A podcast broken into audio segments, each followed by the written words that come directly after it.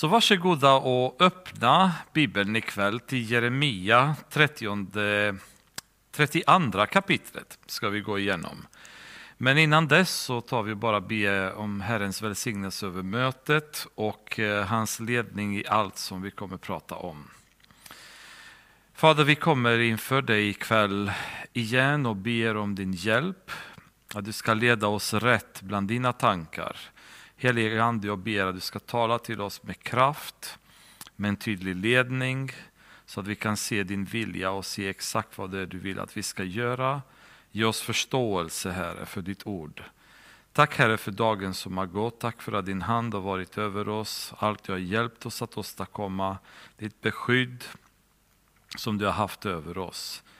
Tack för hälsa för många i församlingen. Tack för att du bevakar och beskyddar väldigt många av oss här hela tiden. Fader, utan dig så kommer vi ingen vart. Det är lätt för oss att bli sjuka och bli svaga och bli orkeslösa och bara drunkna i problem och elände. Men din hand hjälper oss, Herre.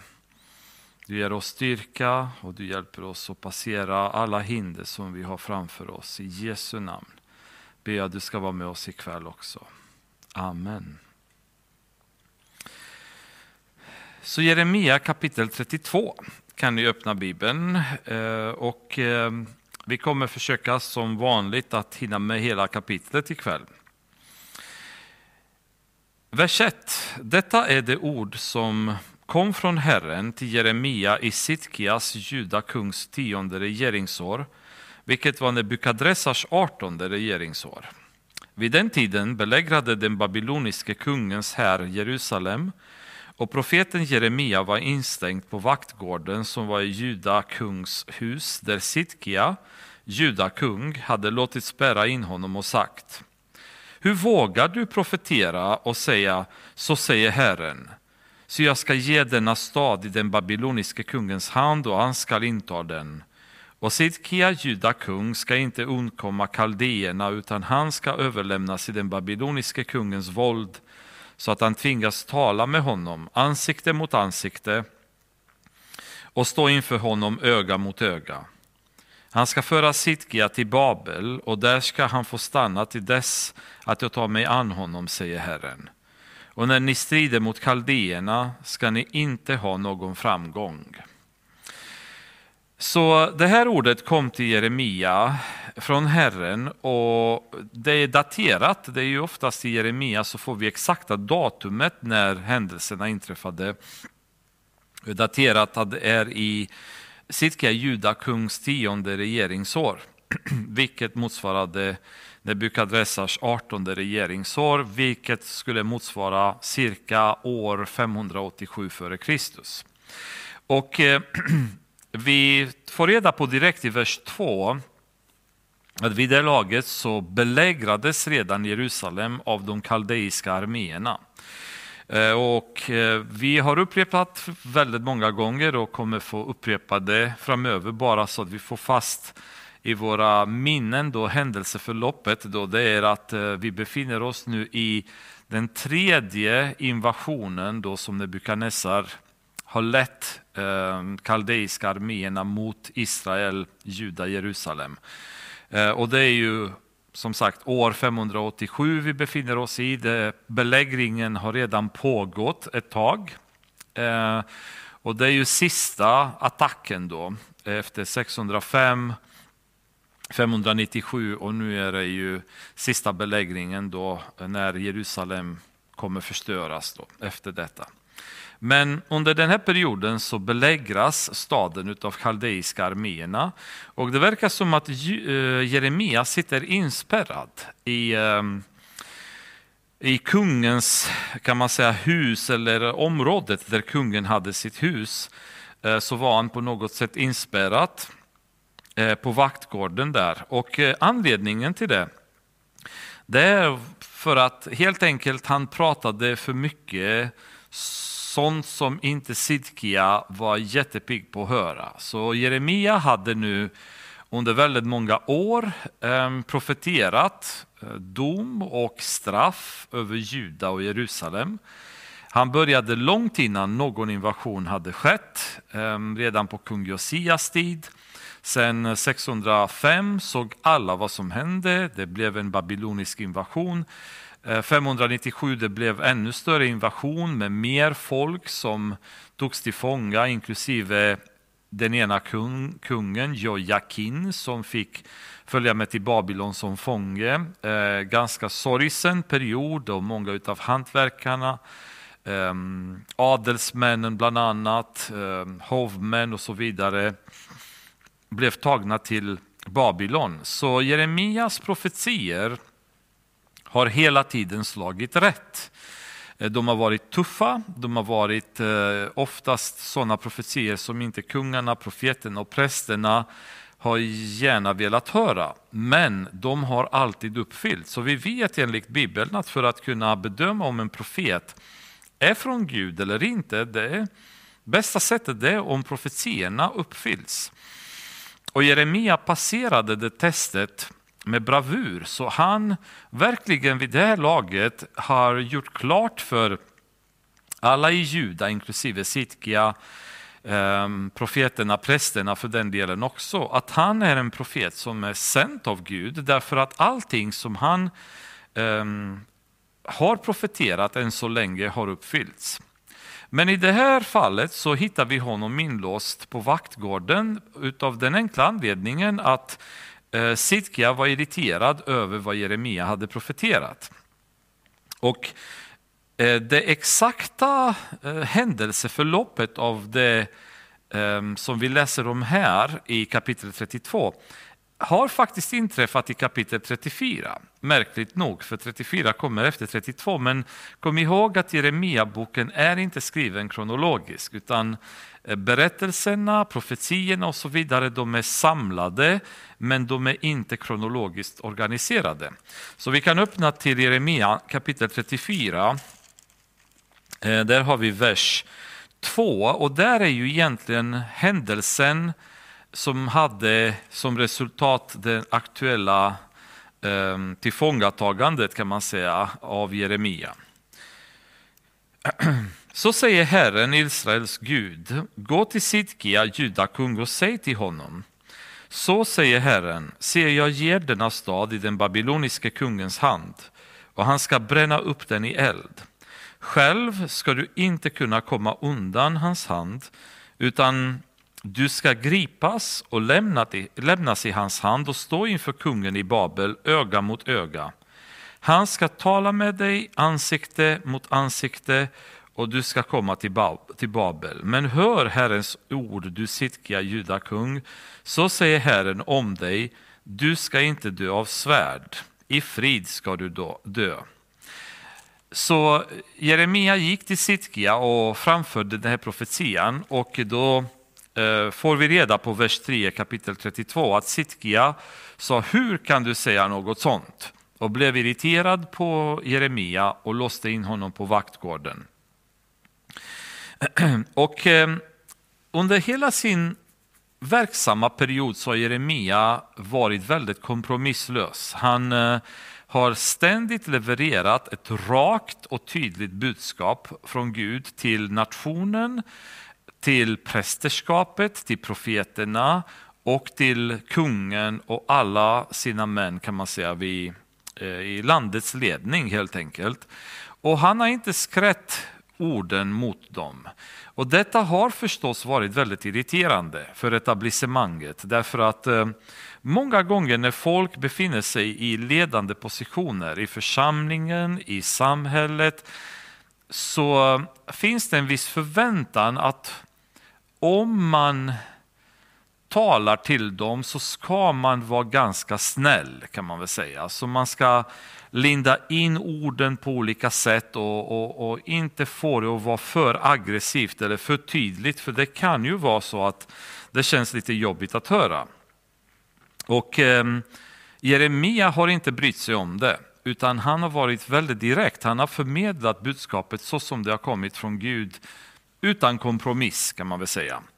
Och eh, i det här fallet så ledde det igen till att Jeremia blev fängslad, inlåst på vaktgården.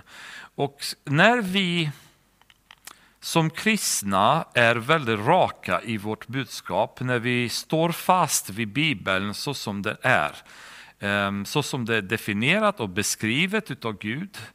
Då får vi också oftast själva problem. Därför att vi, vi blir en nagel i ögat för den omgivning som vi befinner oss i.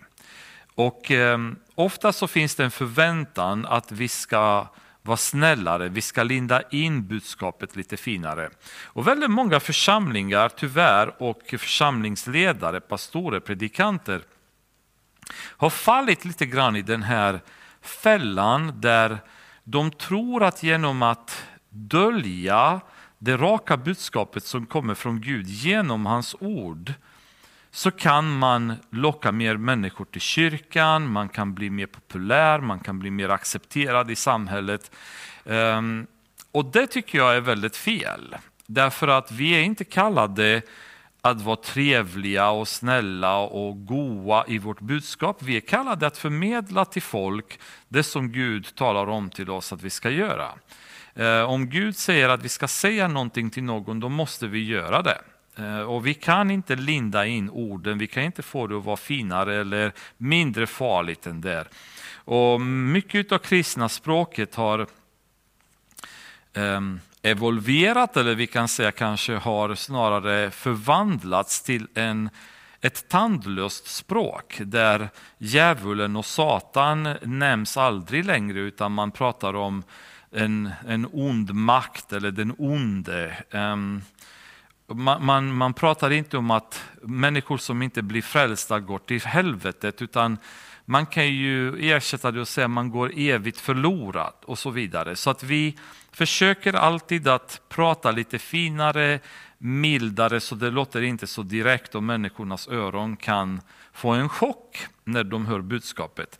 Jeremia han brydde sig inte om det. Han levererade budskapet väldigt kompromisslöst. Och det lät inte roligt förstås för etablissemanget. Och Sidkia själv uppenbarligen hade fått nog och tyckte att nej, det, det här räcker. Eh, jag accepterar inte att du håller på som du gör. Men man kan undra varför. Därför att nu har Jeremia varit aktiv bara under Sitkias period i tio år. Sen måste Sitkia vetat mycket väl vad Jeremia har predikat om innan, vad han hade profeterat och vad som hade uppfyllts. Och att vid det här laget så borde det inte vara någon som helst tvivel om att Jeremia är en Guds profet och det han säger stämmer. Så om du nu som kung ser att allting som Jeremia har sagt har uppfyllts varför skulle han nu försöka att låsa in Jeremia istället för att acceptera det, det som Jeremia säger är rätt och försöka se om vi kan göra någonting åt det snarare. Och anledningen till det, det är att när man härdar sitt hjärta under en lång period och vägrar acceptera Guds budskap så blir man eh, väldigt svår att bli eh, omvänd. Så man kommer till en punkt där det blir klart för en att det som Gud säger är sant. Men man vägrar acceptera det. Så det är inte så att man inte förstår det, eller att man inte förstår vad som är sant. Det är att man inte vill acceptera det som är sant. Och det är vad Gud har sagt eh, flera gånger genom Jeremia och upprördheten hos Gud har varit väldigt oftast, ni har valt att vända mig ryggen. Ni har förstått hela tiden sanningen men ni har inte velat höra vad jag haft att säga till er. Så att medvetenheten i att vända Gud ryggen trots att man förstår att det han säger är rätt, trots att man förstår att det är han som talar, så väljer man att inte höra man väljer att vända ryggen. Och i det fallet så väljer Sidkia straffa Jeremia genom att låsa in honom. Och ibland så, som kristen kan man bli frustrerad när man pratar med människor om Gud. Och man argumenterar väldigt mycket och man förklarar för människorna sanningen i evangeliet. Vikten av att, eh, att ta emot Jesus, att uppleva frälsning och bli räddad från synd och död. Och till vår förvåning så blir vi många gånger hånade eller eh, aggressivt motsatta, kanske till och med förföljda i väldigt många länder. Då. Ehm, på grund av den, det sanna budskapet som människorna hör. Och det skapar en motreaktion som, som beter sig väldigt konstigt. Och Många gånger så kan man tycka eh, att man pratar med folk om Gud och Bibeln och så verkar de bara ta upp händelser eller situationer som är bara märkliga. Så att eh, Ibland så kan någon säga att ah, men jag, kan, jag har väldigt svårt att acceptera att tro på Gud därför att det här med floden Eh, det, det, står i, i första Moseboken till exempel att det har varit en man som heter Noa och han har byggt en ark och hela jorden var full med vatten. Och jag, jag kan inte tro något sånt, det låter som en saga kan de säga då.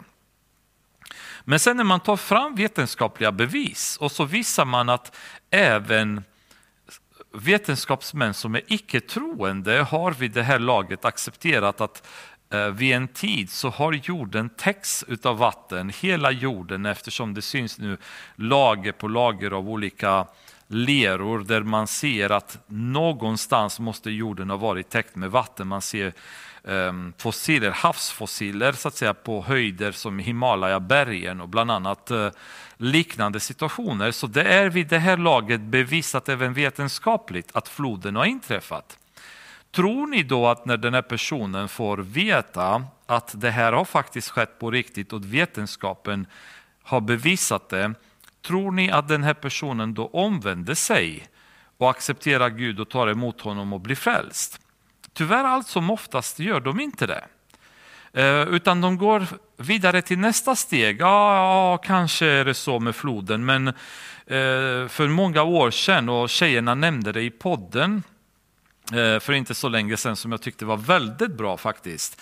Eh, för under en lång period så var vetenskapsmän ifrågasättande kring Bibelns trovärdighet därför att det nämndes som ett folk som heter hetiterna i Gamla Testamentet.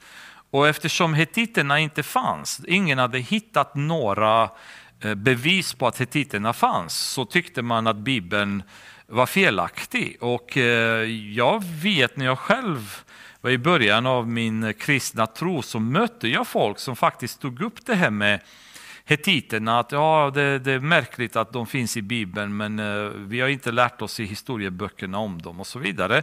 Ehm, när i dagsläget är ju faktiskt bevisat av icke-kristna vetenskapsmän genom arkeologiska fynd att hetiterna har funnits.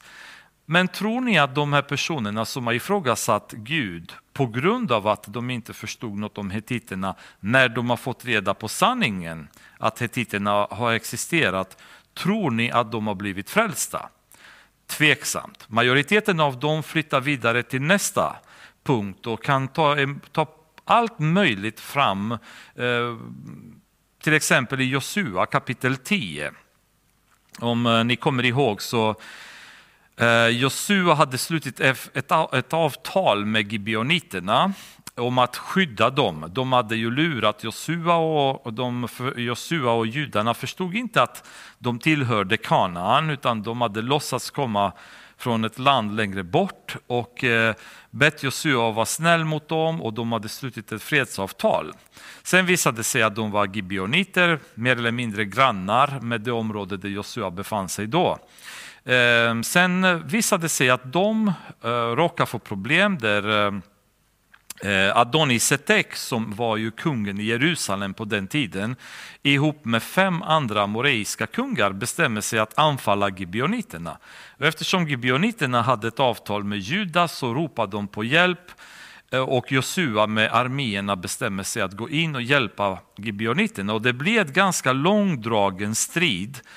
Ehm, och Josua ber till Gud att han ska stoppa solens gång så att solen inte ska fortsätta röra sig, eller ja, som man säger solens gång, men det är klart det är jorden som rör, rörde på sig, men att solen inte ska gå ner kan man väl säga.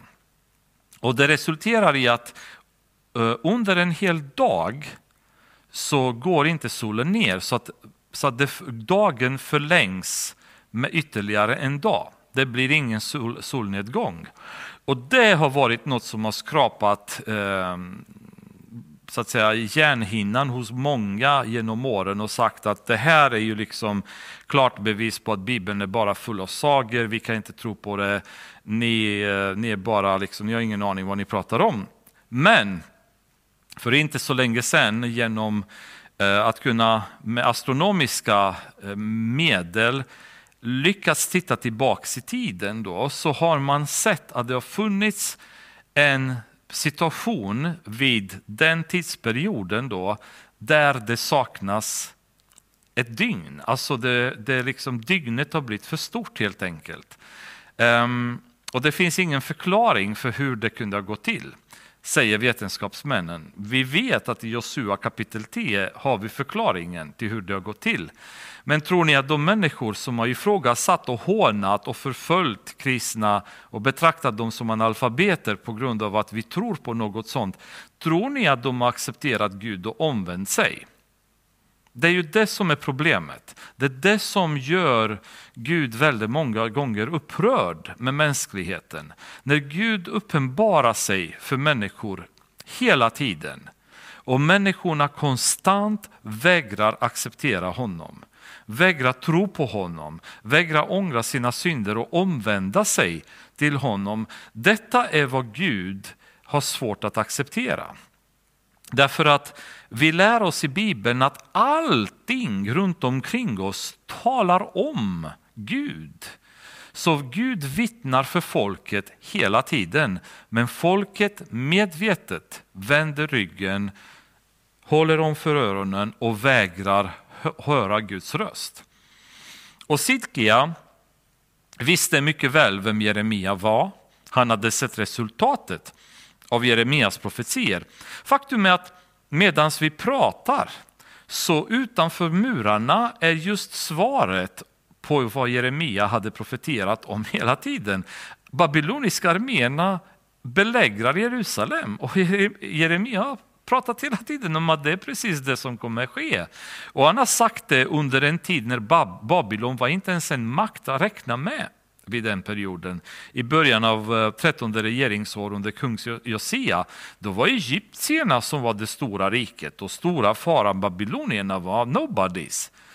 Och nu står just babylonierna som Jeremia har profeterat om och belägrar Jerusalem. Och Sitkia, vad gör han? Han väljer att låsa in honom. Istället för att höra vad Jeremia säger, istället för att ta emot budskapet från Jeremia, han blir bara irriterad att någon talar sanningen i hans ögon och då måste den personen bestraffas därför att han vägrar förändra sitt liv. Så vi som kristna tror jag måste vara väldigt försiktiga när vi interagerar med människor som inte tror på Gud så att vi inte slösar vår tid i meningslösa diskussioner med dem. Utan det viktigaste det är att vi talar om, vi levererar det som Gud, Guds ord pratar om. Det viktigaste det är att vi tar diskussionen omgående till Bibeln och inte till våra åsikter och våra tankar och våra intellektuella um, idéer och påhittade stories för att kunna få dem att lura dem att tro på Gud. Utan det viktigaste det är bara att få fram det raka budskapet.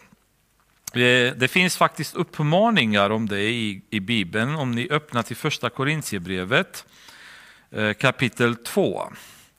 Kan vi läsa ett par verser där.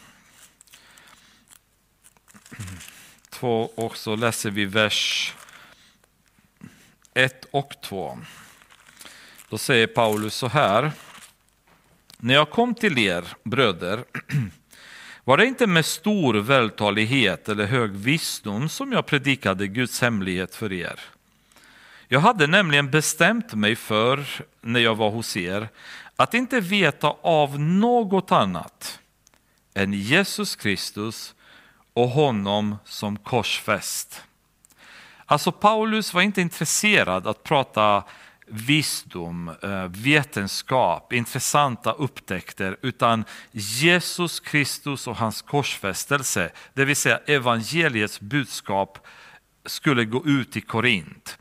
Och eh, en annan uppmaning som man ger i Titus, vilket är ju en eh, väldigt, väldigt eh, tydlig sådan uppmaning är i Titus kapitel 3. Och så vers 9 säger han så här, men undvik dåraktiga dispyter och frågor om släktregister och kiv och stridigheter om lagen. Sådana är skadliga och helt meningslösa. Alltså undvik att gå in i diskussioner som inte leder någon vart. Så vi kan sitta och babbla om och prata om dag in och dag ut och år in och år ut och inte komma någon vart. Och det är så otroligt viktigt tycker jag att vi alltid har den fokus, det fokuset att Jesus Kristus och honom korsfäst. Budskapet om evangeliet måste fram till folket. Eh, det finns ingen idé att gå in i långa diskussioner kring arkeologiska upptäckter, kring allt möjligt. För när ni är klara med alla arkeologiska bevis så kommer de ändå säga, ja, ehm, men det här med homosexuella så har jag ändå svårt att acceptera. Eller ja, fast jag tycker ändå det är lite konstigt att eh, eh, ni är för abort, uh, ni är emot aborter i kyrkan.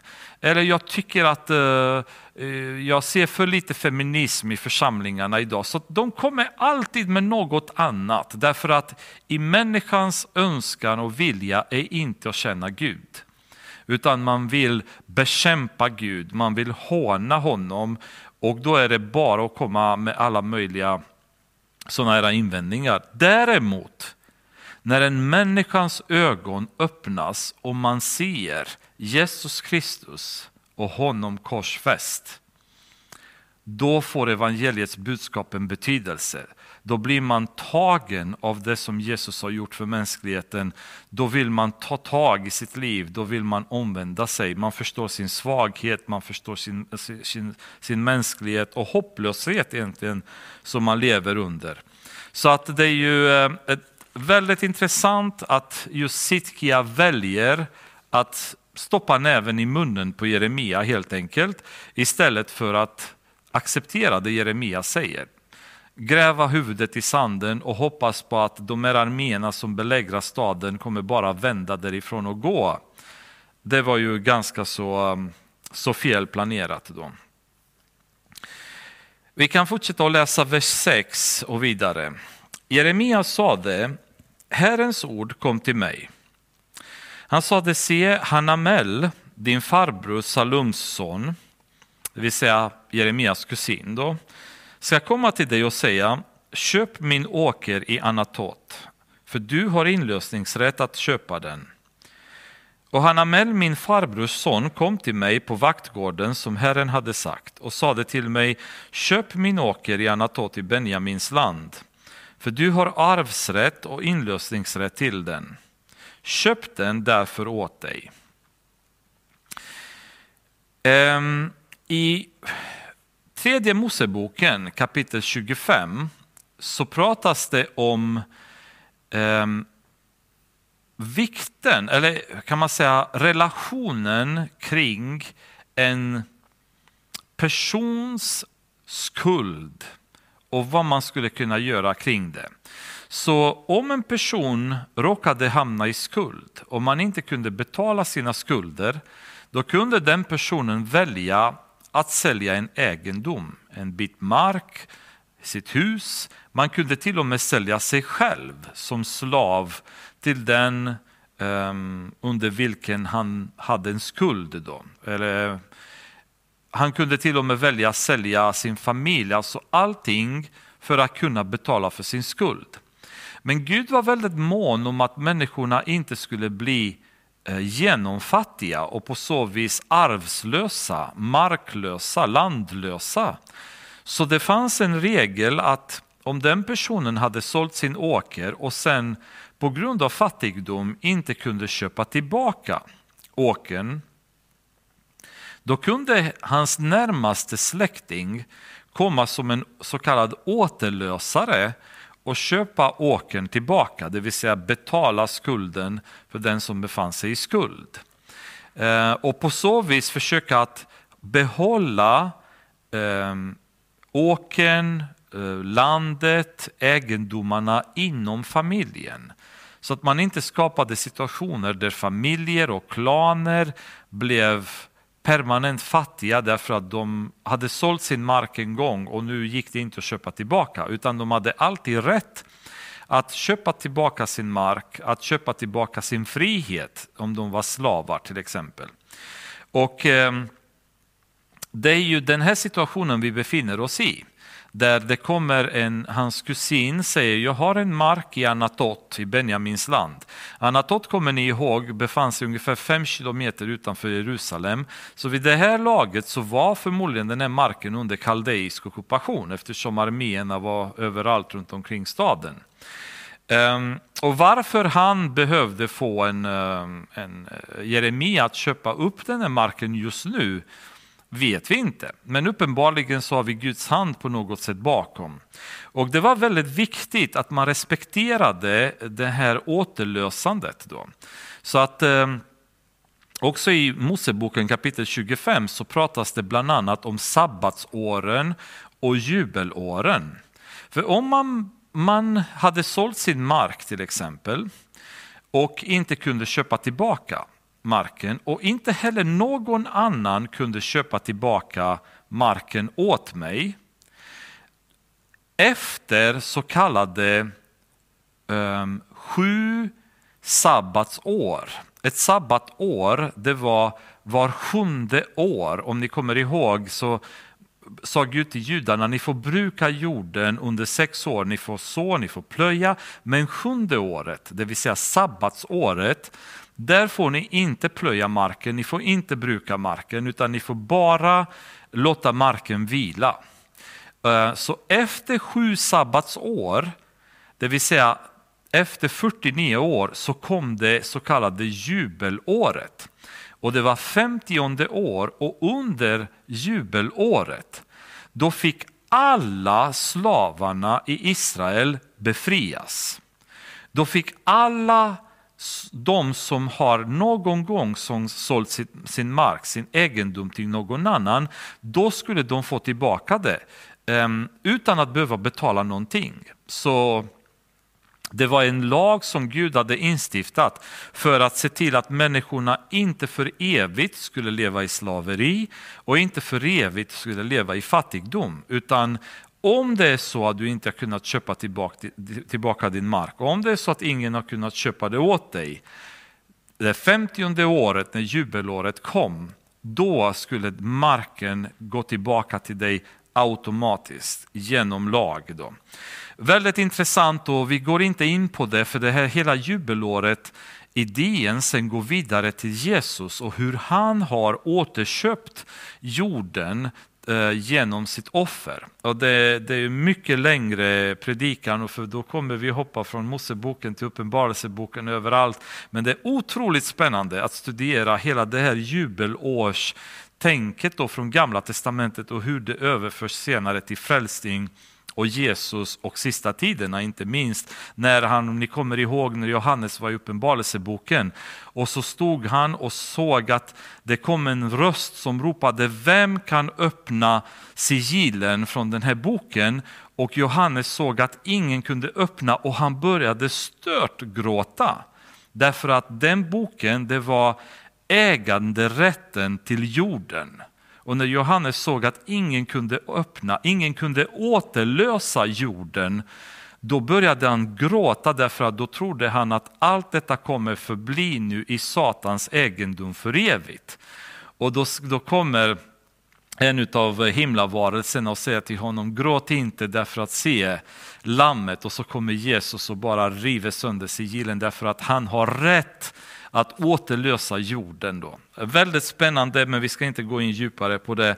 Men det är väldigt roligt om ni skulle vilja titta på det och, och studera lite mer hela det här, för vi får en annan förståelse för frälsningsprocessen och varför Jesus har rätt att behålla oss i hans hand. Och ingen kan rycka oss ur hans hand, Romarbrevet åttonde kapitlet, därför att han äger oss. Han har offrat sig, han har återlöst oss. Kommer ni ihåg när det pratas om att han har friköpt oss med sitt blod?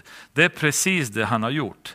Så han är ju återlösaren då. Väldigt spännande. Återigen, gärna ta tid själva hem och, och dig, alltså, gräv lite mer i ämnet själva. Men ehm, det är ju den här situationen vi befinner oss i nu, där Jeremia får eh, Hanamel som vill att han ska köpa hans mark och då säger då, då förstod jag att det var Herrens ord. Och jag köpte åkern i Anatot av Hanamel, min farbrors son, och vägde upp pengarna åt honom, 17 siklar silver. Det här försökte jag ta reda på vad det skulle innebära i dagens pengar, bara för att få en uppfattning om vad kostade det. Och tro eller ej så var ungefär motsvarande 570 kronor i dagens pengar. Så eh, antingen var pengarna väldigt mycket värda eller så var den här markbiten väldigt liten. Men eh, med facit i hand så låter det inte som att det var våldsamt belopp då, men det kanske kostade mycket på den tiden, vad vet jag. Jag skrev ett köpebrev och försåg det med sigill, tillkallade vittnen och vägde upp pengarna på en våg. Och jag tog köpebrevet, både det förseglade brevet med avtalet och de särskilda bestämmelserna samt det öppna brevet. Jag gav köpebrevet åt Baruk, son till Neria, son till Mahaseja i närvaro av min släkting Hanamel och de vittnen som hade skrivit under köpebrevet och alla andra judar som fanns på, på vaktgården. Baruk kommer ni kanske ihåg var som Jeremias sekreterare, så väldigt mycket av Jeremia-boken är egentligen Baruk som har antecknat Jeremias ord. Då. Jag befallde Baruk i deras närvaro och sade, så säger Herren Sebaot, Israels Gud, ta dessa brev, både detta förseglade köpebrev och detta öppna brev, och lägg dem i ett lerkärl så att de bevaras under lång tid. Så att det var tänkt att de här breven nu skulle förvaras. Och det var väldigt viktigt också att vittnen fanns runt omkring. För man, man kan säga att det är lite knepigt ställe kanske att göra en sån affär just inlåst på vaktgården. Och jag kan tänka mig att ganska mycket folk kom dit och såg detta som någon slags kuriosa därför att det låter ju lite psycho och köpa en markbit i Anatot, fem kilometer utanför Jerusalem, under värsta belägringen som babylonierna någonsin har, har eh, eh, satt upp mot Jerusalem. Så det måste ha varit att folk har kommit dit för att undra vad håller Jeremia på med? Han, han håller på att köpa mark eh, när allting kommer, kommer gå förlorat. Ehm, och man kan tycka att det, det, är lite märkligt. Men hela det här återlösa systemet var väldigt noggrann i Israel. Vi kan titta på ett liknande fall bara så att ni förstår exakt hur det fungerar. Och det är i ehm, i Rut så har vi en situation som är liknande.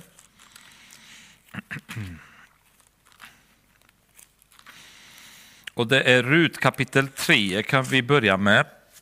Vers 8 och 13 först. Ni kommer ihåg att Rut var en moabitisk kvinna som eh, var gift med son till eh, Naomi som hade flytt landet därför att det var svält och så eh, hennes söner hade dött som återkommer tillbaka med sina eh, svärdöttrar men den ena väljer att lämna henne medan Rut den andra följer med henne tillbaks till Israel. Då. Och eh, nu kommer de hem, de är utblottade, de är fattiga. Då. Och eh, på något sätt måste de få tag på mat. Rut har gått och plockat lite ax ute på fälten där en man som heter Boas ägde eh, fältena och hade skördare ute som jobbade på, på sina fält. Då. Men nu är vi i kapitel 3 och så läser vi från vers 8. Vid, vid midnatt, eller man kan säga att det som hände här var att eh, Rut skulle gå och på något sätt eh, försöka att få Boas att acceptera henne på, på något sätt. Och Naomi ger henne råd att gå och, och lägga sig på något sätt vid Boas fötter för att eh, etablera någon slags kontakt med honom när han sov på natten. Då, ute på fältet med sina arbetare. Och vid midnatt, vers 8, blev mannen uppskrämd och böjde sig framåt. Och se, där Då låg en kvinna vid hans fötter. Vem är du? frågade han. Hon svarade, jag är Rut, din tjänarina. Bred ut din mantelfilt över din tjänarina, för du är min återlösare. Då sade han, välsignad är du av Herren, min dotter. Du har nu visat ännu större trohet än förut genom att inte springa efter unga män, vare sig fattiga eller rika. Så var nu inte rädd, min dotter. Allt vad du säger vill jag göra dig. Alla i stadsporten vet att du är en ärbar kvinna. Det är sant att jag är din återlösare, men det finns en annan återlösare som står dig närmare än jag. Stanna nu kvar här i natt. Om han imorgon vill ta ansvaret för dig, ja, då får han göra det. Men om han inte vill det, då ska jag göra det så sant Herren lever. Ligg kvar här tills det blir morgon. Så Boaz säger till henne att jag har rätt att köpa dig och köpa eh, Naomis land och allting. Men det finns en annan släkting som är närmare er än jag är. För det visade sig att Boas hade varit släkting med dem. Då. Och regeln krävde att den närmaste släktingen är den som får först rätt att återlösa en person eller en mark. Eh, och Boas säger att jag skulle väldigt gärna vilja återlösa det, men jag kan inte det därför att det finns en som är närmare. Men ifall han inte vill det, då är jag beredd att, att betala priset. Då. Och eh, kapitel 4, vers 1 står det så här. Boas gick upp till stadsporten och satte sig där. Då kom återlösaren förbi, den som Boas hade talat om. Boas sade, kom och sätt dig här min vän. Och han kom och satte sig. Därefter tog Boas till sig tio män av de äldste i staden och sade. Så han tar vittnen, precis som det står i Jeremia att han hade tagit Baruk, eh, Nehemias son, eh, Nerias son och sen ett antal vittnen runt omkring. dem. Sätt er här, och de satte sig. Sedan sade, de, sade han till återlösaren, den åkermark som tillhörde vår broder Elimelek vill Nomi sälja hon som kom tillbaka från Moabs land. Därför tänkte jag meddela dig detta och säga, köp marken inför dem som sitter här och inför mitt folks äldste. Vill du lösa in den, så gör det. Men om du inte vill lösa in den, så säg mig det, så att jag vet. För ingen annan än du har rätten och näst dig jag själv. Han sade, jag löser in det. Boas sade, när du köper marken av Nomi, då köper du den också av den moabitiska eh, Köper du, köper du den också av den moabitiska kvinnan Rut, den dödes hustru, för att uppväcka den dödes namn över hans arvslott? Återlösaren svarade, då kan jag inte lösa in den, för då skulle jag skada min egen arvslott. Lös du in det, jag skulle ha löst in, för jag kan inte göra det.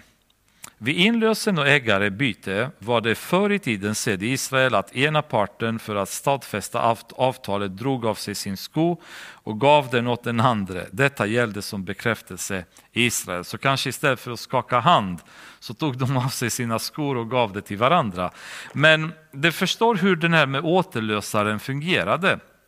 Så att eh, han som skulle återlösa marken, han hade sina egna barn och hade sin egen familj. Och nu var han tvungen att ta över Rut eh, därför att hon hade varit fru till eh, släktingen som eh, han var närmast till. Och då säger han bara, ah, men vänta lite för jag är inte beredd att ta emot Rut också för jag är mer mån om min egen familj, att de ska få sina, sitt arv. Och därför hoppar han hellre av att behöva eh, återlösa marken och få därmed Rut på halsen om man säger så. Och då kan Boas gå in och göra det. Så väldigt eh, tydlig beskrivning på hur hela det här återlösande systemet fungerade. Eh, för att eh, säkra helt enkelt att ingen behövde leva för mycket i fattigdom eller förlora sin frihet för alltid. Vers 15. Till så säger Herren Sebaot, Israels Gud, än en gång ska man köpa hus och åkrar och vingårdar i detta land. Och nu börjar vi komma in i en väldigt intressant bön.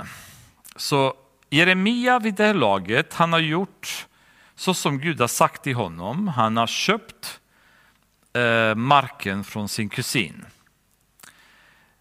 Men efter han gör allting som Gud säger så börjar Jeremia förmodligen tänka att alltså vad är det jag håller på med liksom för att det, där ute är ju krig. Marken är ju ockuperad.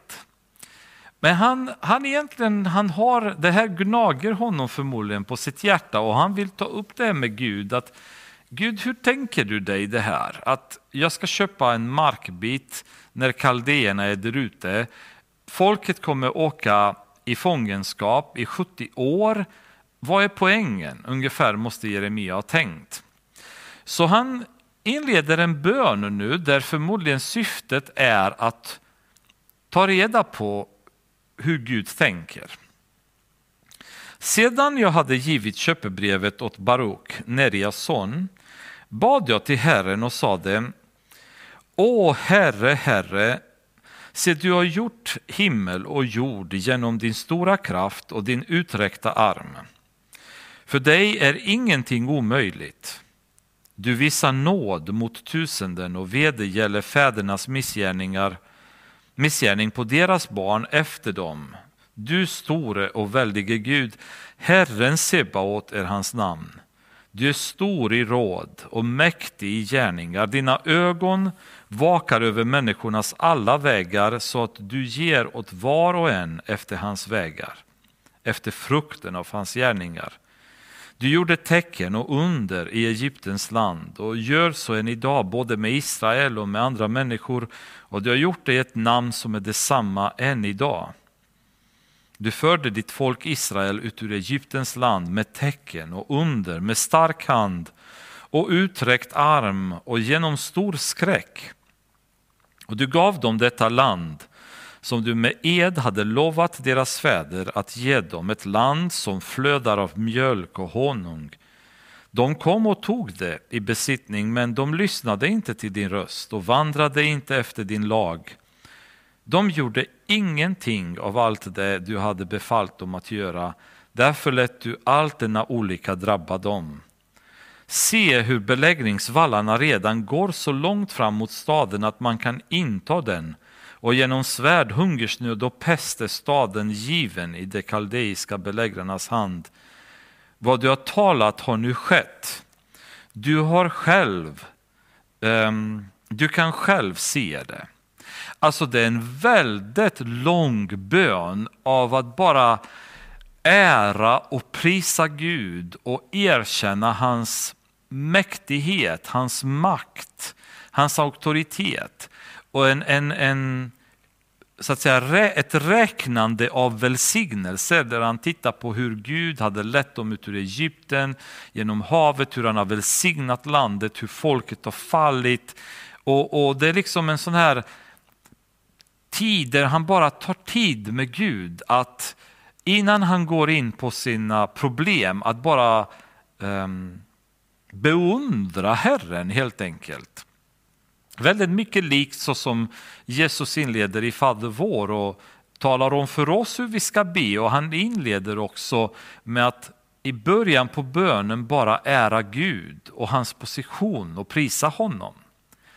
Det som är så jättespännande dock, det är att egentligen är det här en inledning på kanske vad Jeremia ville komma fram till. Och det han ville fråga Gud är, Gud, varför ska jag köpa det här, den här marken?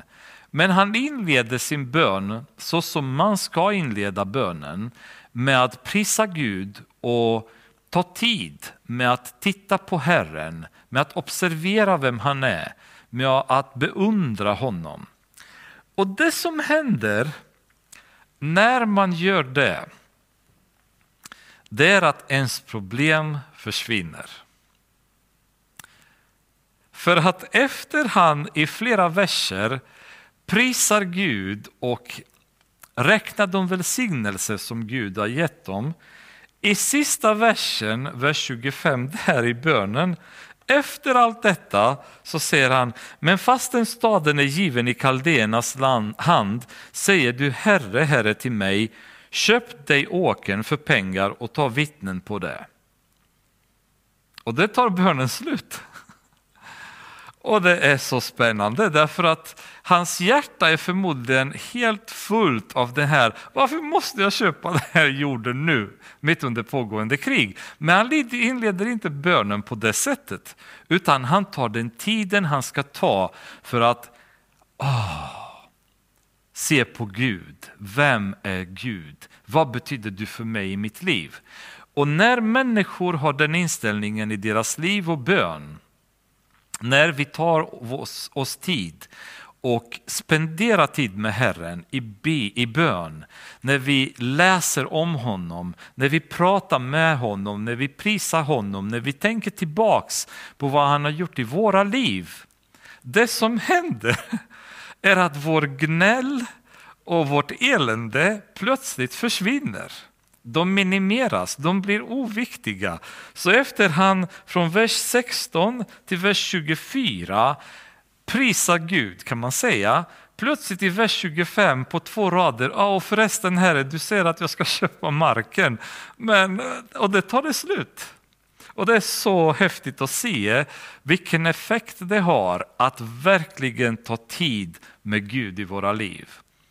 Och det är tragiskt tycker jag när vi som kristna hela tiden går omkring med mungiporna nerhängda och vi gnäller på allt ifrån att vi har ont någonstans i kroppen till att någonting inte funkar i våra liv, till att någonting inte passar oss, till att barnen är jobbiga, till att vi inte sovit tillräckligt, till vad som helst. En permanent ständigt gnäll. Och orsaken är att vi spenderar så lite tid med Gud så våra problem blir så stora. Men ju mer tid med Gud vi spenderar, desto mindre och oviktigare våra problem blir. Vi kan inte sitta och gnälla att vi har lite ont i tån när vi sitter en natt i bön och får en känsla av, att, av himlen i våra liv. Vem bryr sig om att en nagel inte riktigt är som det ska? Eller att du är lite trött idag? Eller att du inte hunnit med bussen i tid? Eller att bussen inte har kommit så som det stod i busstidtabellen? Det finns inget utrymme för irritation och gnäll och, och dåligt humör, för vi har precis kommit ut ur Guds närvaro. Och det är så bara underbart häftigt att se. För det här gnager Jeremia. Ehm, ni vet att han tidigare har gnällt just på, eh, i kapitel 20 till exempel, vi kan nästan öppna, när han också gnäller på Gud där. Kapitel 20, vers 7 så säger han, du Herre övertalade mig och jag lät mig övertalas, du grep mig och blev mig övermäktig, så jag blivit ett ständigt åtlöje, alla hånar mig, ty så ofta jag talar måste jag klaga över våld och förtryck måste jag ropa, ty Herrens ord drar över mig. Spott och spe hela dagen. Men jag tänkte jag vill glömma honom och inte mer tala i hans namn. Då blev det i mitt hjärta som en brinnande eld instängd i mitt innersta. Jag ansträngde mig att uthärda den men kunde det inte. Så Jeremia hade de här stunderna när han bara började gnälla men sen bara åh, så upptäcker han Herren och bara allt försvinner.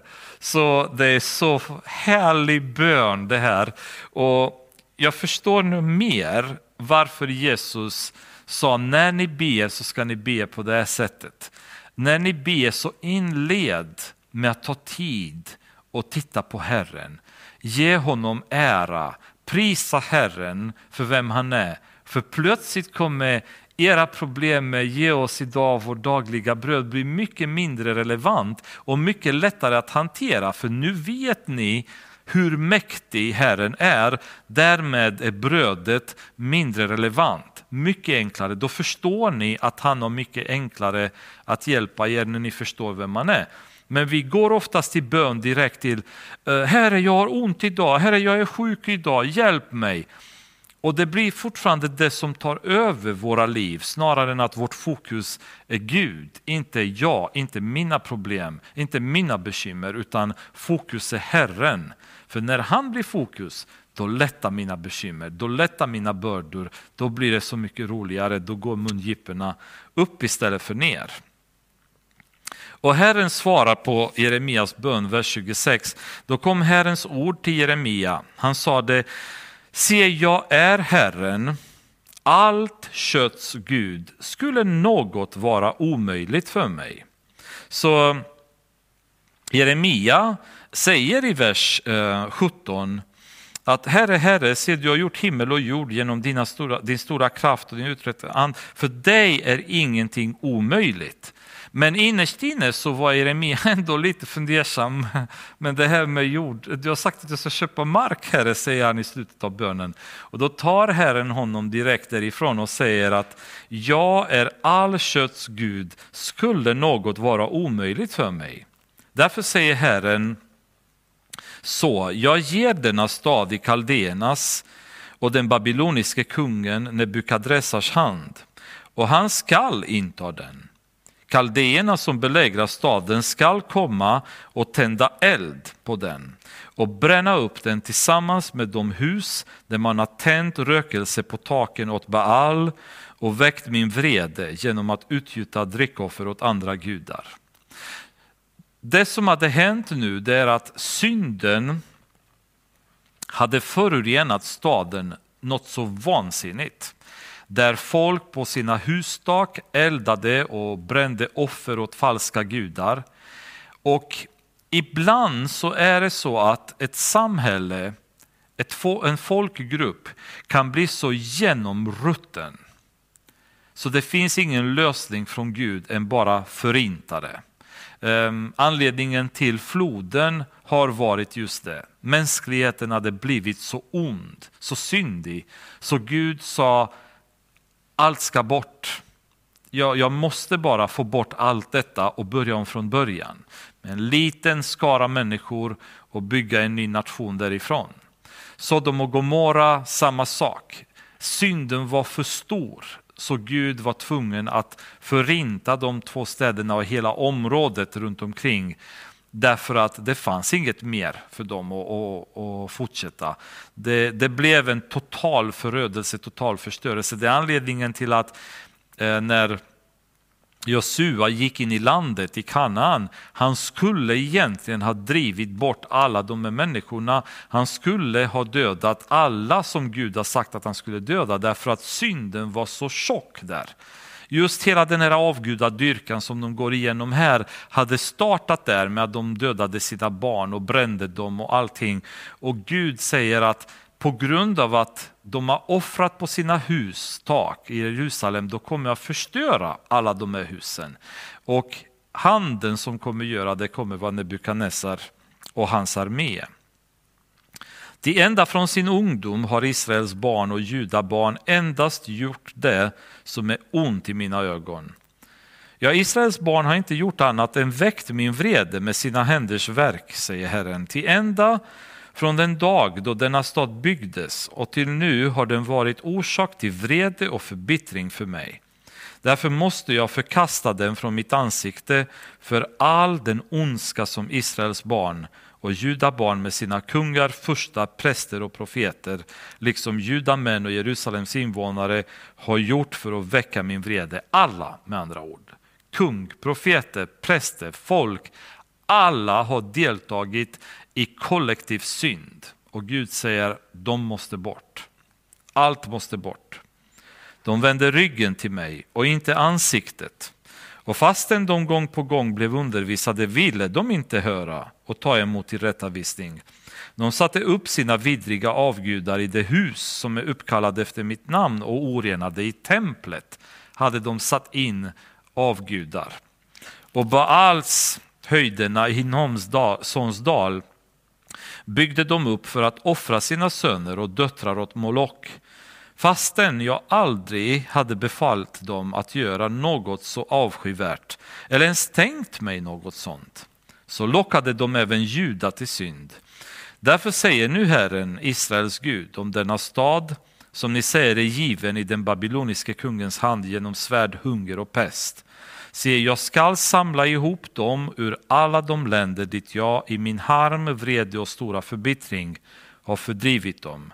Och jag ska föra dem tillbaka till denna plats och låta dem bo här i trygghet. Och de ska vara mitt folk och jag ska vara deras Gud.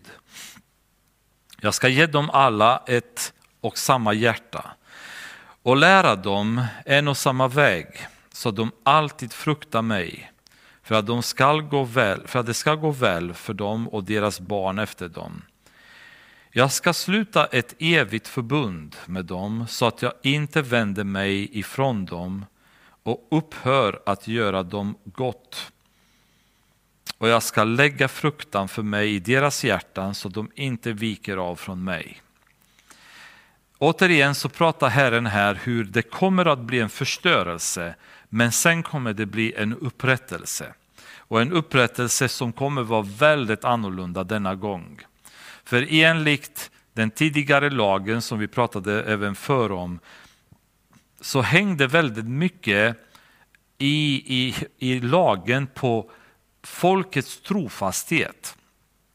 Om folket var trofast, då skulle Gud vara trofast. Om folket respekterade lagen, då skulle de bli välsignade utav Gud. Men de har aldrig klarat av, verserna innan beskriver Herren hur de har aldrig, all, aldrig gjort det. De har alltid varit ett problem. De har alltid vänt, mig min rygg, eh, vänt ryggen mot mig. Men nu säger Gud att denna gång kommer han göra ett nytt förbund och det här förbundet kommer vara evigt och denna gång kommer baseras på Guds trofasthet och inte deras trofasthet.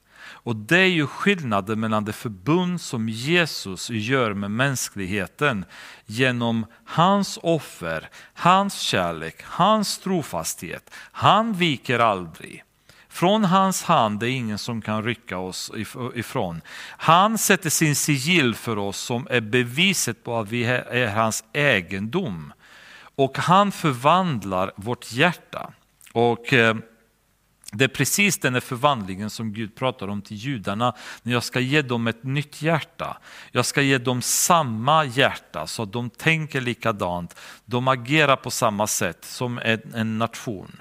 Um, och Det är väldigt spännande, det är ju första gången som Gud säger att han ska göra ett evigt förbund med dem. Han har pratat om ett nytt förbund tidigare, nu pratar han om ett evigt förbund. Och det görs genom Jesus Kristus som sen kommer var kung som vi pratade om över hela Israel och de kommer leva i trygghet i sitt land genom att omvända sig och tro på honom. Väldigt spännande hur um, budskapet om Jesus är inlindat överallt i gamla testamentet. Um, så underbart när man följer det, att Gud hela tiden har haft honom i tankarna. Jag ska glädja mig över dem och göra dem gott. Jag ska plantera dem i detta land med trofasthet av hela mitt hjärta och hela min själ. Nu, nu säger Gud, nu ska jag göra detta. Och när Gud gör det, då blir det ingen ändring. Han ångrar sig inte, det är ingen som kan få honom att göra något annat. Till så säger Herren, liksom jag har låtit all denna stora olycka komma över detta folk, så ska jag också låta komma över dem allt det goda som jag har lovat dem.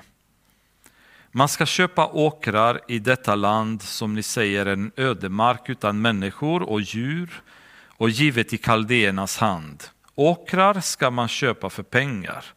Och man ska skriva och försegla köpebrev och tillkalla vittnen i Benjamins land, i Jerusalems omgivningar och i Judas städer liksom i bergsbygdens, bergsbygdens låglandets och Negevs städer.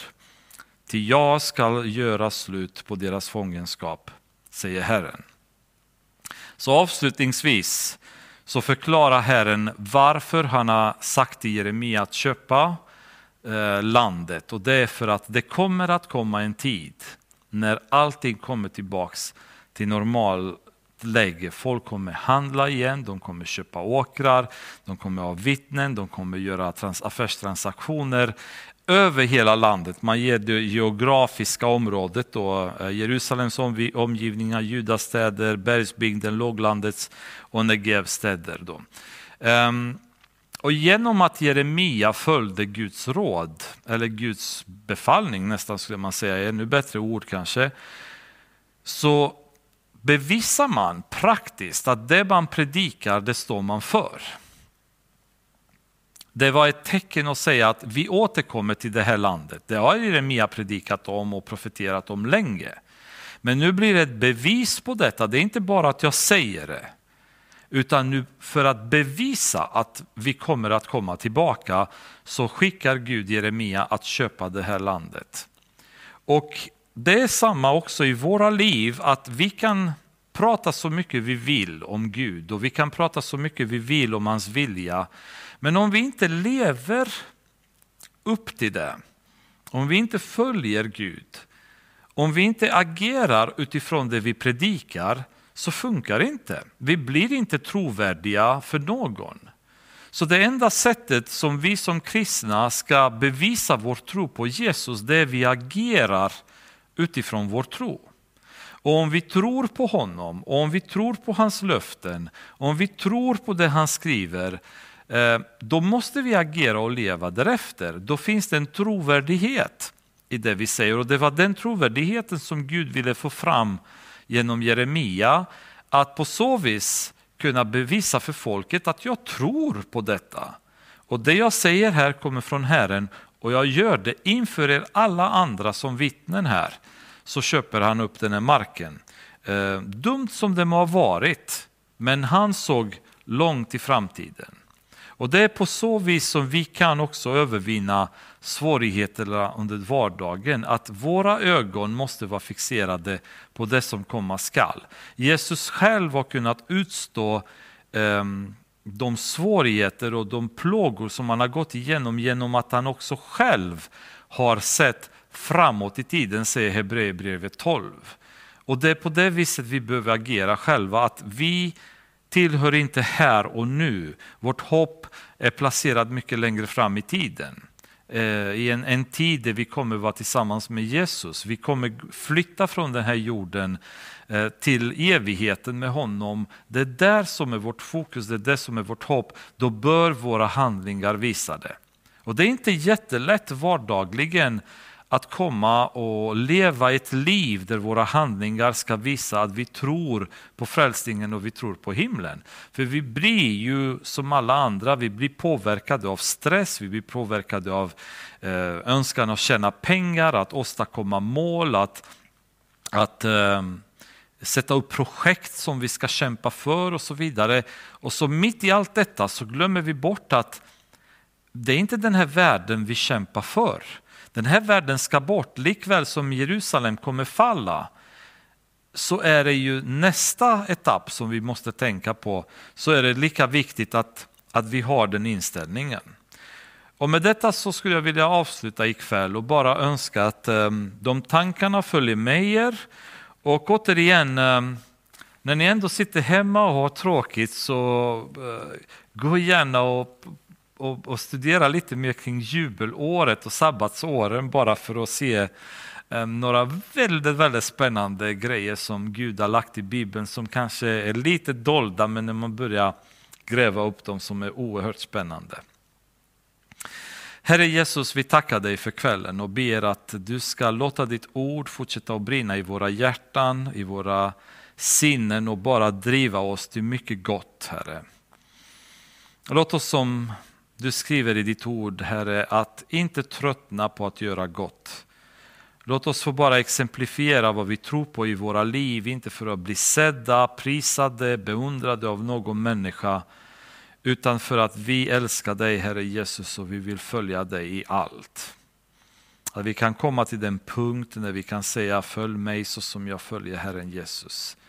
Det skulle betyda mycket för många av oss, Herre, att få en sån förvandling i våra liv så att vi känner att vi vandrar på rätt väg. Och vi, hade, vi har dig bakom oss. Var med oss Herre ikväll i fortsättningen. Fortsätt att bara verka i våra hjärtan. Förlåt oss all synd som vi har begått under dagen idag eller dagarna innan som vi inte har tagit framför dig. Bekänt och gjort oss av med Herre Jesus. Vi tackar dig och prisar dig. Amen.